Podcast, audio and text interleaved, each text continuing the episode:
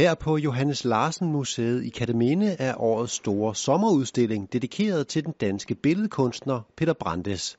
Og nu skal jeg jo have fornøjelsen at vise jer lidt rundt i den her fantastiske udstilling, vi har øh, her hen over sommeren.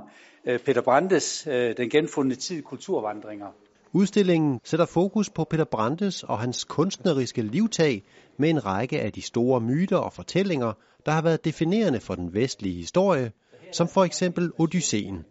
Jeg skal ikke genfortælle historien her, for den skal I selv læse, fordi hvis I ikke, har gjort det for nylig, så skal I gøre det. Det er altså en fantastisk historie, når man først kommer i gang med den. Vi synes, at det var oplagt at simpelthen at folde hele hans livsværk ud og hans, hans måde at arbejde på, så det er en, en åbenhjertig hyldest og et kig ind i, i mesterens værksted.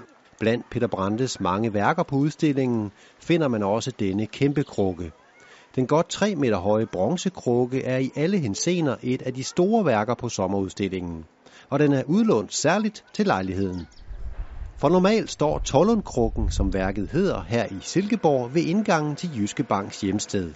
Men da Peter Brandes udtrykte ønske om at låne krukken til sin udstilling, indvilligede Jyske Bank. Og derfor blev den cirka 1000 kilo tunge bronzekrukke tilbage i maj forsigtigt løftet op og væk og via en specialiseret kunsttransportør kørt til museet i Kateminde.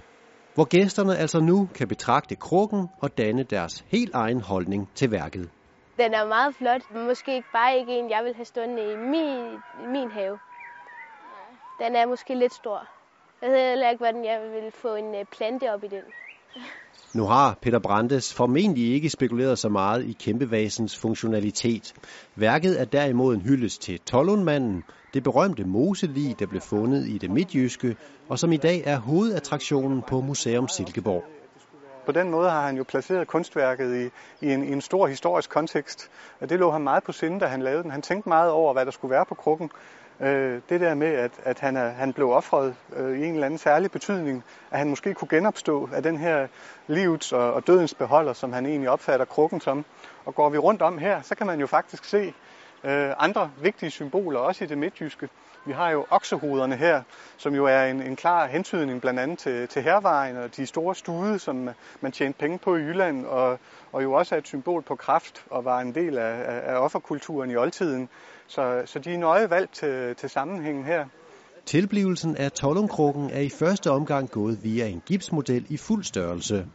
Derefter blev der lavet en form, som blev brugt til den endelige bronzestøbning på et støberi i Italien.